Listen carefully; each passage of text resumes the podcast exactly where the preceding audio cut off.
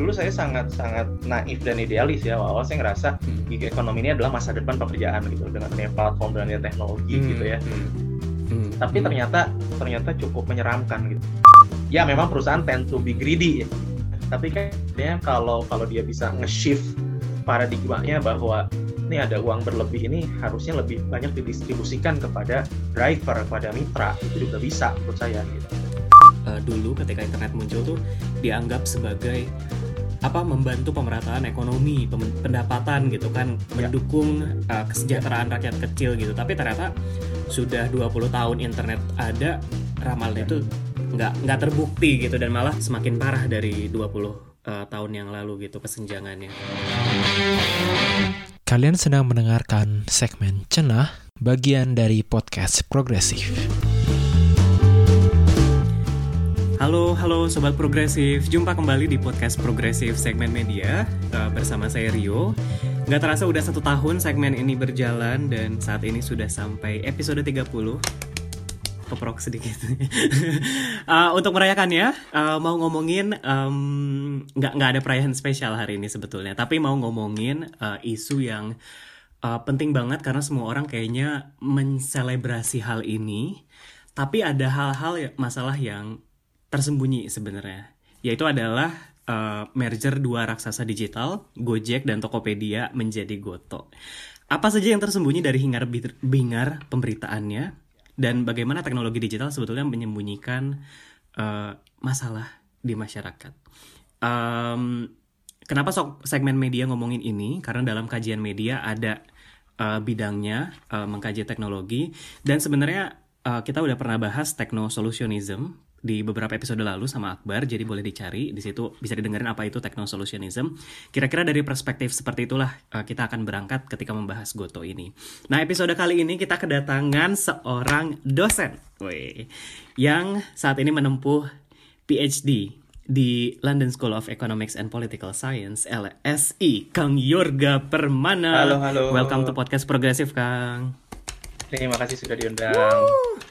Weh, ini orang Bandung jadi uh, manggilnya Kang. Ya. Wilujeng Kang Wilujeng. Siap Kang Rio. Asik.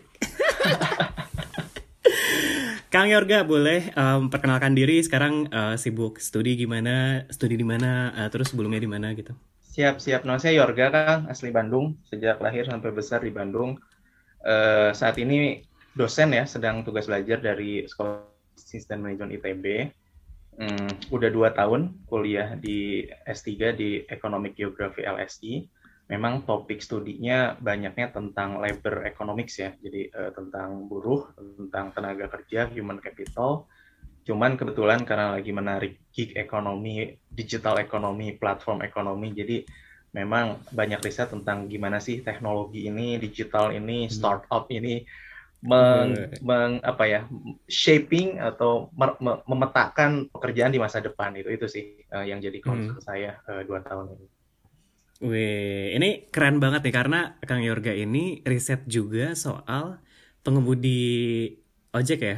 Ya, jadi pada akhirnya case study hmm. dari gig economy ini adalah uh, pengemudi Gojek di Gojek dan Grab ya, pengemudi ojek hmm. online di Jakarta. Jadi hmm. kemarin habis survei dua bulan terakhir ini banyak interaksi dan driver lah suka dukanya itu. Ini juga. Ini kan. dia yang membuat Kang Yorga jadi orang yang pas banget membicarakan eh, hal-hal uh, yang tidak dibahas ketika kita membicarakan Goto. Jadi uh, di episode kali ini kita ada beberapa poin. Yang pertama adalah apa sih yang belum dibahas gitu ya dari mergernya Goto. Apa sih yang hilang dari percakapan publik gitu soal ini?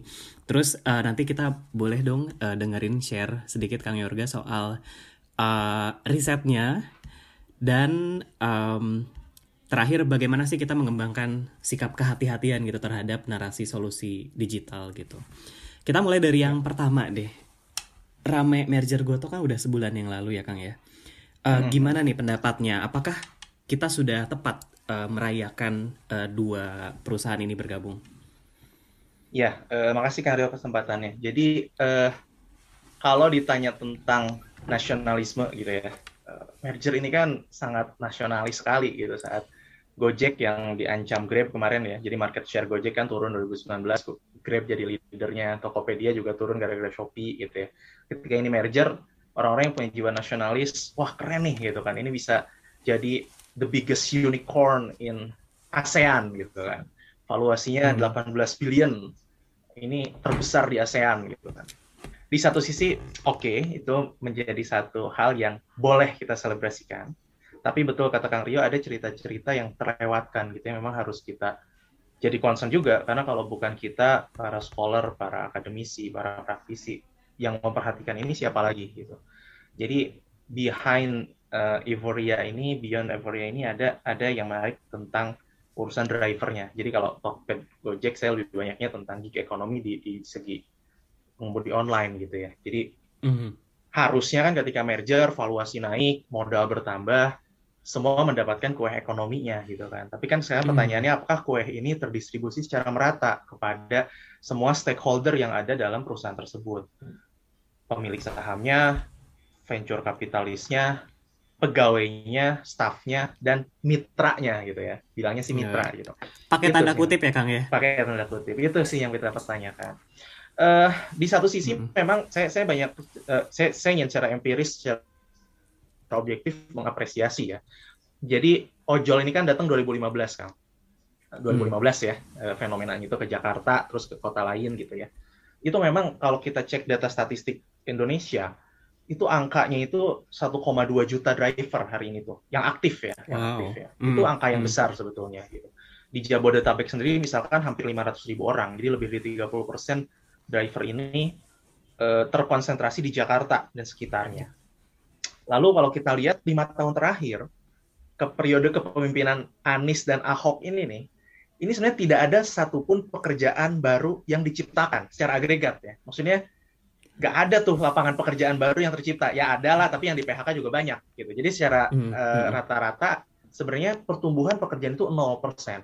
Tapi tiba-tiba hmm. ada driver yang meningkat secara signifikan. Jadi artinya kita harus kita harus melihat fenomena penambahan ojol ini, kontribusi ojol untuk ekonomi Jakarta ini benar gitu. Karena pemerintah, lagi-lagi yang pemerintah ya, ya tapi ya pemerintah tidak sanggup menyediakan lapangan pekerjaan gitu. Oh, Oke. Okay. Kita lihat okay, misalkan okay, okay. driver di, di, di, di, di London gitu kan, jumlahnya itu hanya 50 ribu. Driver di San Francisco, di New York itu lebih hmm, kurang hmm. dari 100 ribu. Tapi di, di Jakarta ini terlalu hmm. banyak driver. Kalau mau kita salahin apakah salah perusahaannya? Ya, dia nerima aja kan, punya driver boleh masuk gitu. Tapi di sisi lain hmm. juga pertanyaan kan kenapa para driver ini ingin menjadi driver? Karena tidak ada pekerjaan lain. Gitu. Karena nggak ada pilihan bagi mereka okay. untuk bekerja. Misalkan saya ngelacak tuh di data BPS gitu ya. Alasan hmm. kenapa mereka masuk ke sektor ini. 50% hmm. lebihnya itu karena PHK dan karena mereka tidak diperpanjang kontraknya di pekerjaan lama. Oh, oke. Okay, Jadi rata-rata okay. pekerjaan bukan karena pekerjaan ingin, yang konvensional ya. Pekerjaan konvensional. Jadi bukan karena hmm. ingin pendapatan, ingin fleksibel, ingin jadi entrepreneur. Yeah. Ilusi-ilusi itu sebenarnya tidak terjadi di negara kita developing country yang sektor informalnya tinggi, pekerjaan terbatas. Jadi ini sesimpel karena nggak ada opsi lain. We don't have oh, choice okay, to work. Okay. Jadi ya udah gue jadi ojol gitu. Jadi ini yang kita apresiasi dalam arti uh, ojol menciptakan lapangan pekerjaan yang hmm nggak bagus-bagus banget sebenarnya. Nanti kita akan cerita lebih jauh.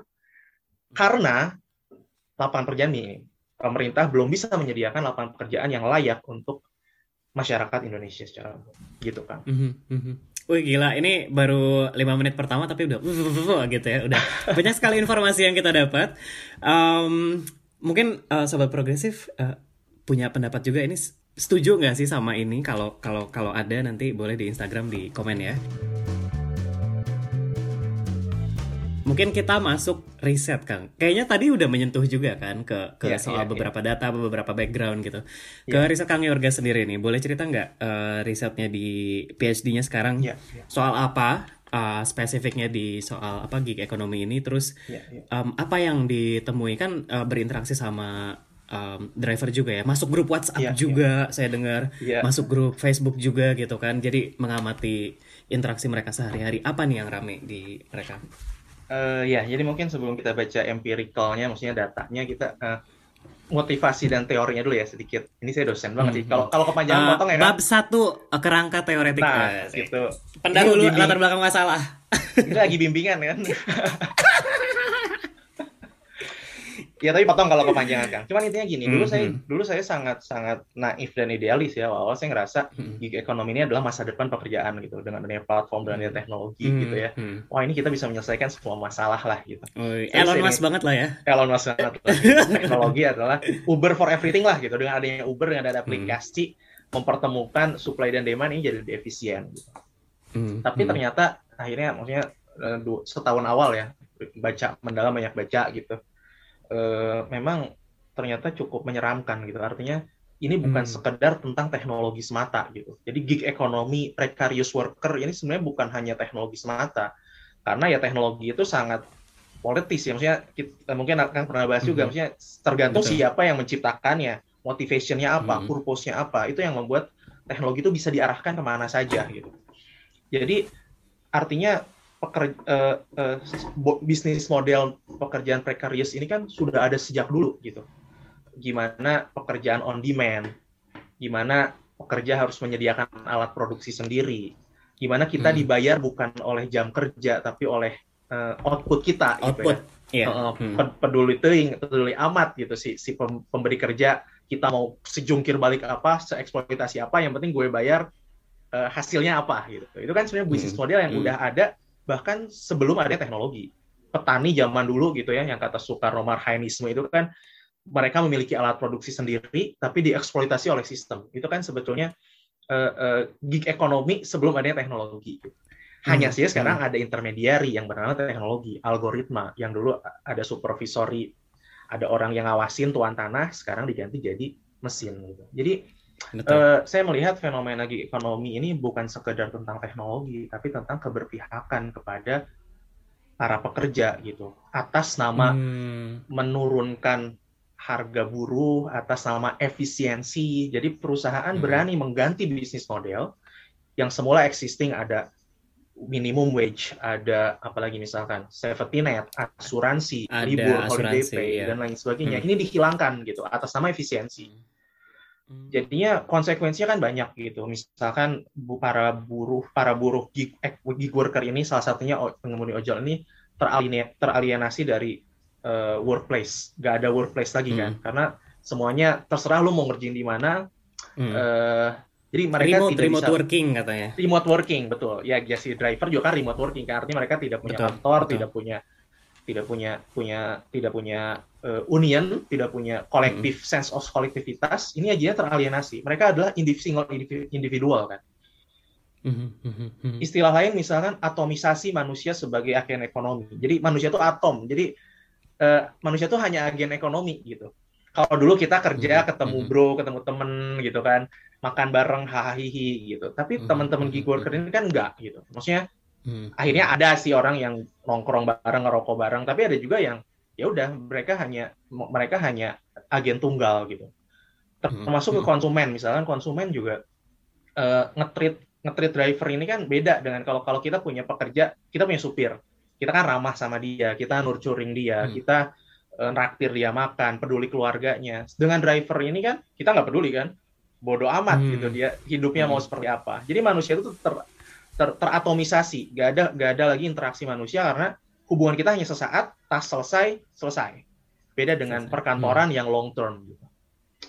Yang terakhir konsekuensi dari gig economy ini kan shifting responsibility tadi itu ya, maksudnya akhirnya Hmm. semua tanggung jawab dari perusahaan diserahkan kepada individual gitu. Hmm. Jadi nggak ada lagi karir pet, Hmm. nggak ada lagi eh, tanggung jawab untuk eh, eh, eh, ya men- mendevelop manusia gitu, peduli amat. Yang penting Hmm. Hmm. exploit, peras, ambil tenaganya, itu sisanya terserah mereka. Gitu. Nah ini sih Hmm, maksudnya yang, yang hmm, jadi theoretical saya, jadi concern, oh ternyata gig economy, future of jobs, masa depan pekerjaan, mengandung banyak ancaman-ancaman yang kalau nggak diapa-apain, nggak diregulasi, nggak di nggak diatur, nggak jadi concern para scholar, ini ya ya Mhm. akan jadi me- melanggengkan ketimpangan gitu maksudnya Wih. Hmm. Hmm. eh, ya akan ada pemenang dan akan ada yang kalah gitu. Itu sih sebenarnya kerangkanya Hmm, gitu ya. hmm. Sebelum kita masuk ke eh, eh, hasil temuannya, ternyata seperti apa? betul, betul, Nah, ya itu betul, akhirnya saya betul. bikin bikin apa? Nyebar kuesioner dan berinteraksi dengan para driver gitu kan. Hmm, hmm, hmm, hmm. menarik nih uh, kerangka apa yang melatar belakangi ini ya uh, cara cara kita menganalisa yeah. masalahnya gitu. Yeah, yeah. Nah kemudian dari hasil uh, apa uh, pengamatan gitu ya survei Kang itu apa aja sih yang ditemuin? Bagaimana sebenarnya uh, status kesejahteraan para pengemudi gitu? Apakah yeah, mereka bahagia gitu kan? Iya yeah, iya. Yeah. Eh karena karena gini Kang, ini bukan kayak nggak mau episode ini seolah-olah cuma nyalahin Goto aja tapi ke kemarin yes. juga kurir Shopee kan ada yes. kejadian serupa mereka um, jadi Shopee-nya lepas tangan gitu kan sementara yeah. si apa driver dihadapkan dengan konsumen gitu kan terus uh, kemarin sempat juga ada mau ada demo pemotongan insentif dari uh, apa driver Goto gitu kan jadi ini sebenarnya bukan spesifik Goto tapi yes. uh, scale-nya di ini ya gig ekonomi gitu ya Ya. Mm -mm. Apa aja ya, nih Jadi kan sebenarnya sebenarnya judul hmm. selebrasi Goto ini biar biar biar viral aja judulnya kan. Cuman poin yang sedang ya, kita bahas ngikutin berita. yo, eh, riding the wave kan. Ya, tapi betul betul saya sepakat. Maksudnya saya riset saya sendiri juga net, netral dalam artian tidak spesifik menyerang satu perusahaan tertentu gitu ya. Tapi kan sebenarnya kita sedang melihat bagaimana fenomena bisnis model kayak gini ternyata hmm. bukan hanya kontribusi teknologi, tapi bagaimana tadi atas nama efisiensi outsourcing ini terus uh, langgeng sampai sekarang dan toh teknologi hmm. hanya mengamplify kejadian ini. Nah, hmm. Hmm. beberapa temuan ini saya masih maksudnya ini risetnya juga masih masih banyak dibantai sama dosen pembimbing ya. Jadi saya tidak akan hmm. menceritakan hmm. gambaran utuhnya. Cuman ada beberapa insight yang menarik sih sebenarnya gitu.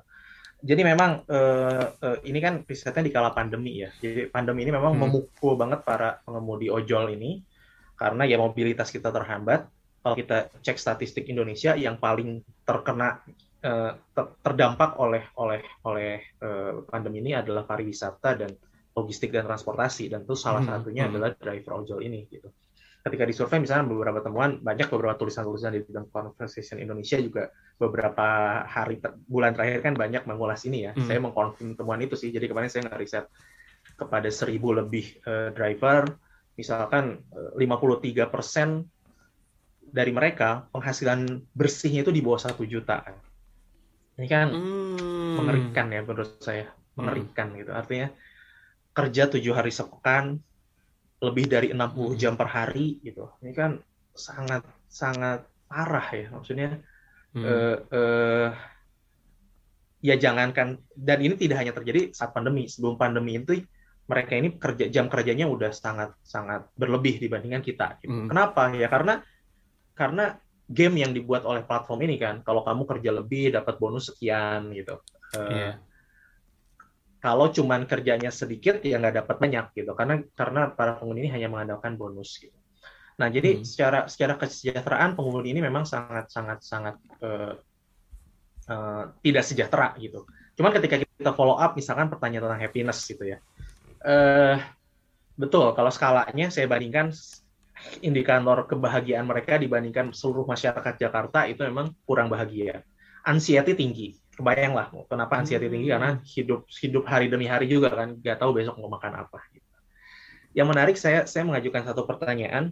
Kalau kamu nih hari ini bisa memilih mendingan kerja sebagai pengemudi ojek online atau kerja jadi karyawan. Ternyata hmm. lebih dari 65 persennya itu milih kerja jadi karyawan.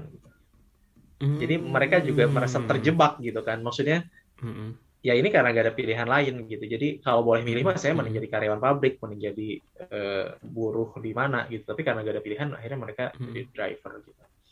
Hmm. Nah ini jadi sebenarnya hmm. uh, temuan-temuan uh, deskriptifnya sih kayak gitu ya bahwa uh, saya bisa mengkonfirm teman-teman driver ini juga sedang di posisi yang sangat sulit. Lalu saya tanya, kalau gitu siapa yang bisa membantu Anda? Pertama, dapat bansos nggak dari pemerintah gitu. Ternyata 70 persennya itu dapat bansos. Jadi ini hmm. menurut saya salah satu yang bisa jadi solusi ya. Maksudnya apa yang bisa pemerintah lakukan sebenarnya meningkatkan jangkauan bansos ini. Karena saat ini bansos ini kan bahasanya unconditional cash transfer kalau bahasa teorinya kan atau universal hmm. basic income. Ini salah satu tools untuk meredistribusi kekayaan kan. Jadi ngambil hmm. Hmm. ngambil uang dari orang kaya didistribusikan ke orang miskin supaya jadi safety net mereka. Jadi mereka tetap nyari kerja hmm. tapi minimal ada basic needs yang dipenuhi oleh pemerintah. Nah, betul, ini betul. Uh, ini penting buat bansos. Yang kedua misalkan Anda dapat bantuan dari perusahaan. Nah, ini juga menarik. Ternyata hanya kurang dari 50% uh, mereka yang mendapatkan bantuan dari perusahaan. Jadi uh, ya ini kan harus di saat di saat, saat saat kayak gini kita harus saling jaga gitu ya. Ternyata memang perusahaan pun kalau mau nyebut merek nih yang dapat bantuan dari perusahaan itu mereka yang kerja di Gojek, bukan di Grab. Jadi oh, Gojek lebih okay. generous dalam arti memberi bantuan sembako atau uh, bantuan untuk COVID dan lain sebagainya gitu. Mm-hmm. Tapi mm-hmm. yang menarik lagi kurang dari 30% dari mereka mendapatkan bantuan dari sesama driver. Ini kan oh, bayang. Okay. Jadi ya, hmm. jadi collective actionnya itu tidak sekuat itu di driver ini kan. Jadi ya ramai di grup Facebook, ramai di grup WhatsApp, bisa saling menolong. Cuman mereka juga terbatas gitu kan. Maksudnya mereka hmm. juga gak bisa hmm. saling nolong. Jadi saya melihat tanpa ada intervensi dari perusahaan, dari pemerintah, dari kita sebagai scholar, ini mereka ditinggal di jalan sendirian, nunggu mati aja gitu. Hmm. Hmm. Itu sih salah satu temuan saya. Jadi uh, ini ironi sih. Ya kalau kita bicara gaji, kita sering diskusi ya kan, maksudnya ketimpangan ini hmm. maksudnya teman-teman yang kerja di startup ini kan kami sangat besar gitu. Dibandingkan dengan Betul. pengemudi Gojek yang 50% yang penghasilannya satu juta gitu ya. Tapi untuk menjadi seorang uh, software engineer di sana gajinya 50 juta ini kan lucu gitu Mm-hmm. Ya, tapi itu panjang lagi lah kalau di sana. Betul, betul. tapi singkatnya, jangan-jangan bukan menciptakan profit, jangan-jangan ada labor yang tidak dibayar. Nah, Atau itu dibayar murah gitu. Betul. Itu sih yeah, yang maksudnya yeah, jadi yeah. jadi satu satu satu kegelisahan juga gitu ya. Jadi kan tadi hanya pak kurang dari 50% yang dapat bantuan dari perusahaan. Pertanyaannya kan apakah mm-hmm. perusahaan nggak mampu gitu? Apakah perusahaan nggak mampu naikin naikin pendapatannya para driver ini dengan ada skema hmm. bonus naikin bonusnya di, atau naikin, ya, naikin apa, bonus per kilometernya ya yes maksudnya hmm. kok makin ribet kalau kita baca kemarin yang demo Gopilat itu juga kan karena karena skema bonusnya dipersulit gitu jadi hmm. harus sekian terus performanya minimal sekian sekian kilometer ribet banget lah jadi bahasanya Mbak Nastiti itu gamifikasi of work gitu. Jadi kita tuh asa, serasa main game, kita harus nyari mana mana strategi terbaik untuk dapat income maksimal gitu. Enggak kok pekerjaan dibuat jadi game gitu kan. Nah jadi artinya kan pertanyaan tadi itu maksudnya apakah dengan dengan dengan kita melihat ironi kayak gitu eh, pekerjaan di tech company di startup gajinya tinggi itu empiris ya. Maksudnya kalau kita buka eh, data gaji di Jakarta eh, banyak yang rilis itu perusahaan tech company itu sangat berbeda jauh dengan perusahaan dengan sektor-sektor lain dengan sektor hmm. media gitu dengan sektor uh, pekerjaan di di sektor apa trans uh, apa misalkan uh, food and beverage gitu. Tech company itu tinggi banget gajinya gitu kan. Di umuran kita hmm. misalnya 30 hmm. awal 25 tahun aja teman-teman bisa dapat 40 juta atau 50 juta gitu. Hmm. Nah, artinya kan hmm. sebenarnya saya melihat ini urusan redistribusi kekayaan gitu. Negara bisa melakukan hmm. Hmm. Bisa majakin, bisa bikin minimum wage, tapi kan sebenarnya harus ada willingness dari perusahaan juga gitu. Maksudnya ya memang hmm. perusahaan tend to be greedy ya.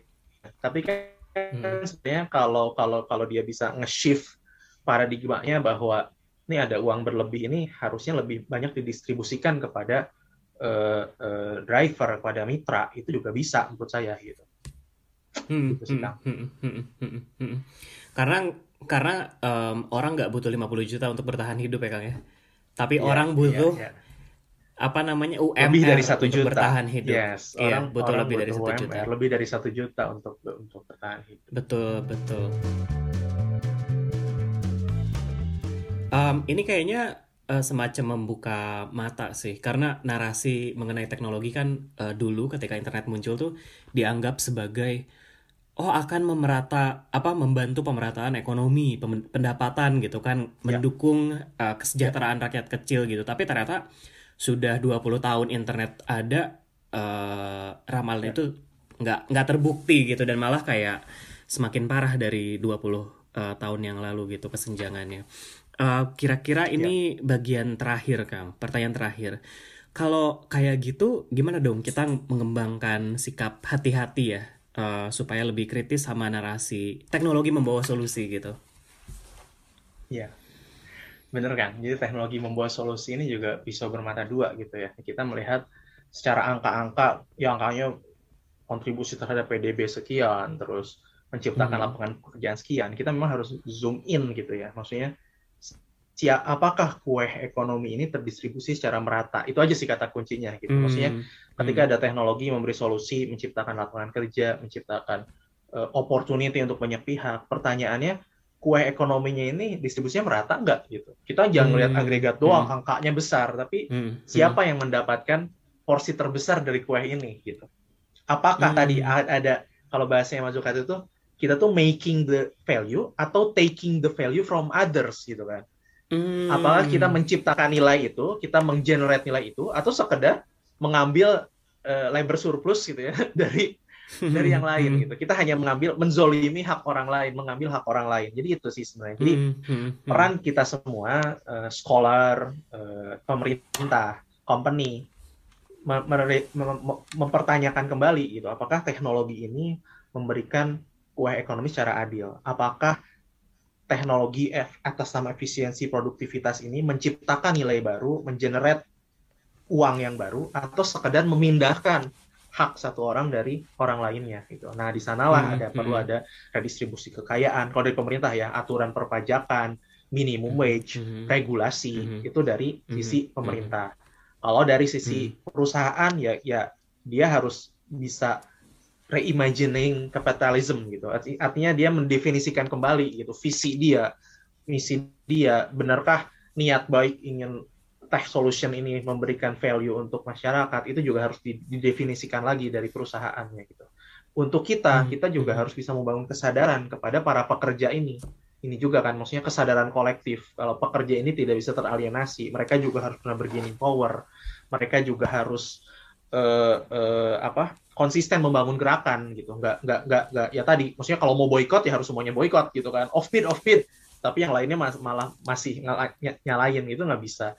Atau kalau kita mau demo demo bukan demo lah istilahnya, negosiasi harga itu nggak bisa satu hari demo selesai. Harus ada kita bangun kesadaran kelas ini gitu. Nah ini juga peran para Mhm, scholar, mhm. peran para, ya saya ngeliat udah udah lumayan ya teman-teman eh, dari UGM, teman-teman dari Hmm, eh, labor itu mulai melihat entitas gig worker ini, driver ojol, para freelancer, ini adalah entitas baru yang selama ini tidak tercapture dalam diskursus labor. Kita bicara tentang buruh pabrik, tentang eh, kulit tinta, tentang petani, tapi gig worker ini terlupakan. Nah sekarang udah kita Betul. harus mulai membangun kesadaran kelas dari para teman-teman eh, gig worker ini agar kolektif bargaining ini sustainable dan dan eh, eh, eh, kita bisa meningkatkan bargaining power kita kepada perusahaan. Hmm, Gitu sih, hmm, Kang. hmm, hmm. Wih, mantep nih Kang. Jadi eh, intinya nggak apa-apa sih Goto berkembang, tapi jangan sampai berkembangnya mereka itu di atas penderitaan orang-orang yang dibayar murah gitu ya. Kesejahteraan mereka juga Yes. harus Yes. harus dijaga Dan- gitu, ya. harus dijamin. Ya, ya. Dan diskursus ini tidak hanya terjadi di Indonesia ya, maksudnya kita juga sering diskusikan ya Amazon gimana, terus ya Amazon Oh, exploiting betul. labor itu udah udah udah umum cerita-cerita itu gitu kan. Jadi ya yang dan saya jujur ya betul kita mendapatkan benefitnya kan, enak banget pakai Amazon sering gitu, enak banget pakai Gojek, enak banget pakai Tokopedia. Tapi ya tadi lagi-lagi jangan berdiri di atas eh, or- eh, tadi penderitaan orang lain. Mhm. Jadi bagaimana paradigma kita kita making value bukan taking value from others. Hmm, making value bukan taking value from others. Hatur nuhun pisan Kang. Terima kasih Kang Yorga. Kayaknya itu bagus banget buat menutup episode kali ini. Siap, siap. Sami-sami. Jadi em, kira-kira gitu obrolan saya sama Kang Yorga. Hatur nuhun. Kang, hatur nuhun Semoga pisan. bermanfaat. Bermanfaat banget buat sobat progresif. Jadi kira-kira Sami-sami Kang Aryo, nuhun sudah diundang. Ini podcast progresif. Wih. Keren pisan. terima kasih, terima kasih. Itu itu kayaknya menutup em, episode 30 segmen eh, media podcast progresif dengan manis. Waduh. Terima kasih buat sobat progresif eh, sudah mengikuti perjalanan segmen ini. Udah 30 episode sampai hari ini. Makasih buat segala support, komentar, masukan, repost di Instagram dan semuanya benar-benar ngebantu segmen ini buat berkembang. Eh, jadi makasih banget, makasih banget. Eh, dan nggak terasa udah satu tahun eh, segmen ini berjalan, udah mulai dari eh, pandemi waktu itu. Dan eh, udah 30 es- episode, rasanya pas banget untuk eh, melengkapi season 2 segmen media. Mau izin istirahat dulu untuk sementara waktu sambil fokus tesis, Eh, biar kayak Kang Yorga kan penelitiannya. Jadi eh, ya minta tolong em, doain aja lancar eh, dan Meski segmen media mau istirahat bentar, uh, please dengerin terus podcast progresif yang segmen-segmen lainnya karena ada episode baru setiap minggunya. Follow juga IG-nya di @podcast underscore progresif. Gitu aja dari saya. Uh, saya Rio bersama Kang Yorga. Mengucapkan terima kasih sudah mendengarkan. Terima kasih banyak Kang Rio. Sampai jumpa di lain kesempatan. Bye bye. Nuhun Kang. Sampai jumpa. Sami-sami.